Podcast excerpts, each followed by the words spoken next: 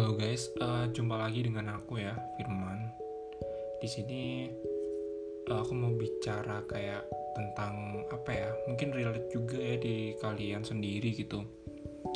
Kalian pernah gak sih kayak ngerasa frustasi, ngerasa kayak nggak yakin sama diri kalian sendiri? Terus kayak cemasnya itu berlebihan, banyaklah yang kalian takutin. Sementara hal itu tuh belum tentu terjadi gitu kalian tuh tuh berpikir dua atau tiga kali yang akan terjadi. Kayak misalnya nih oh, ntar aku lulus SMA mau kuliah di mana?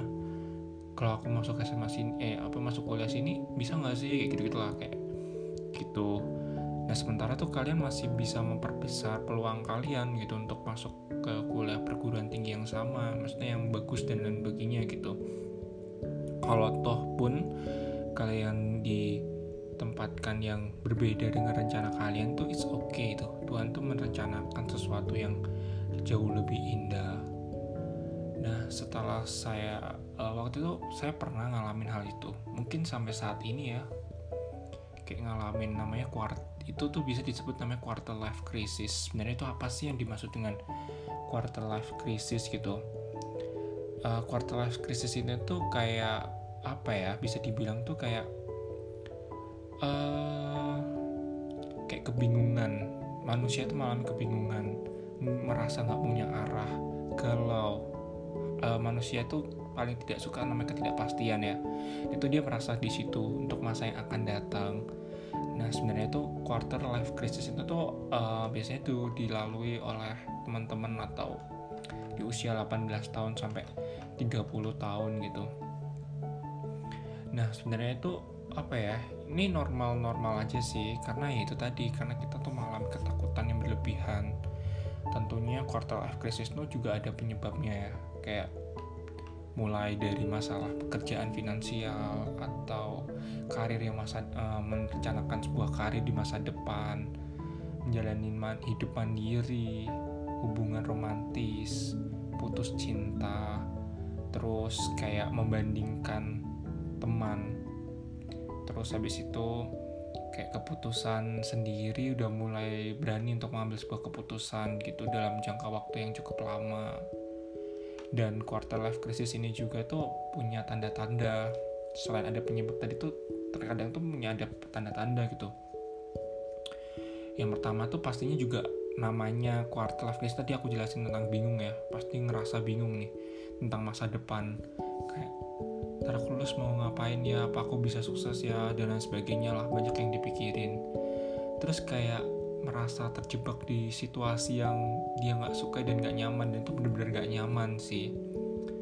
Kayak motivasi itu tuh kayak turun banget. Bener-bener bener-bener putus spot system gitu. Dan uh, di dalam mengambil sebuah keputusan tuh kayak sulit banget untuk ngambil dan banyak banget kayak dirasa pilihan-pilihan karena terlalu banyak yang dikhawatirin gitu. Terus khawatir nih tentang ada yang tidak kepastiannya ini.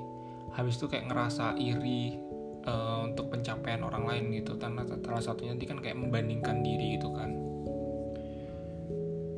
Nah terus gimana sih untuk cara ngadepinnya gitu? Sebenarnya itu ada beberapa langkah ya. Yang pertama itu kayak stop deh. Kalian tuh membandingkan diri kalian sendiri.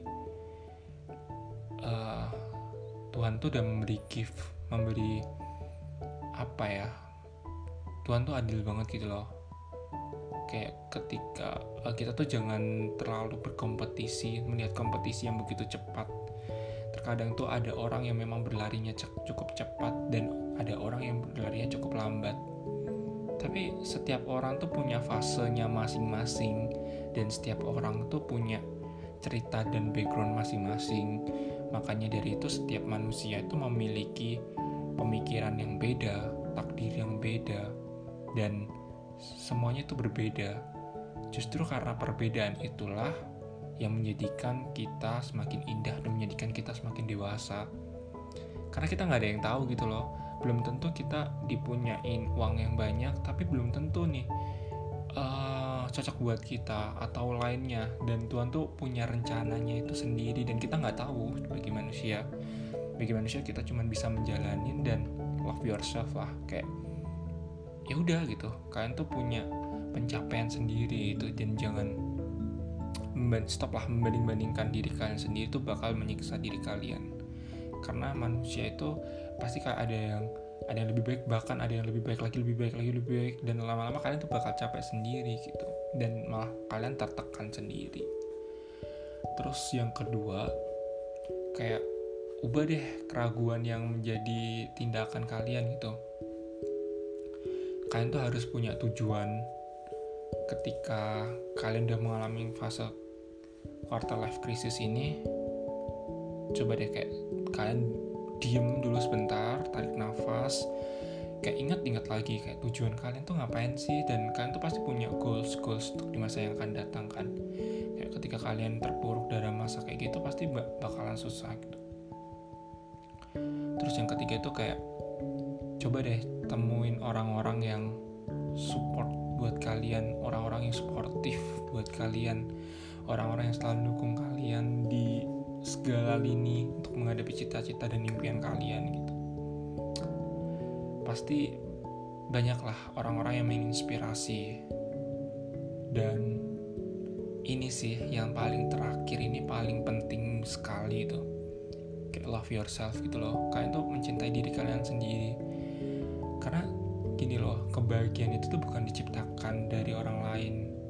Bukan diciptakan dari apa ya faktor eksternal. Tapi kebahagiaan itu diciptakan dari kalian sendiri kalian bisa bahagia dengan cara-cara sederhana. Jadi ketika kalian udah love yourself di titik kalian udah mencintai diri kalian sendiri tanpa membandingkan pencapaian orang lain dan lain sebagainya udah deh aku yamin kalian pasti bakal menemukan sebuah kedamaian.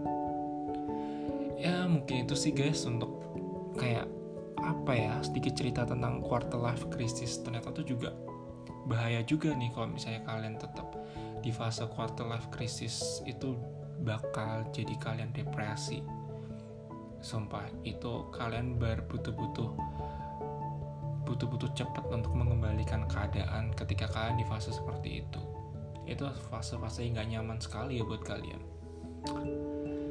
ya mungkin itu aja sih guys untuk bincang kali ini. Semoga kalian suka podcastku yang ketiga ini. Enjoy. Dan semoga aku uh, mendoakan kebahagiaan kalian. See you guys.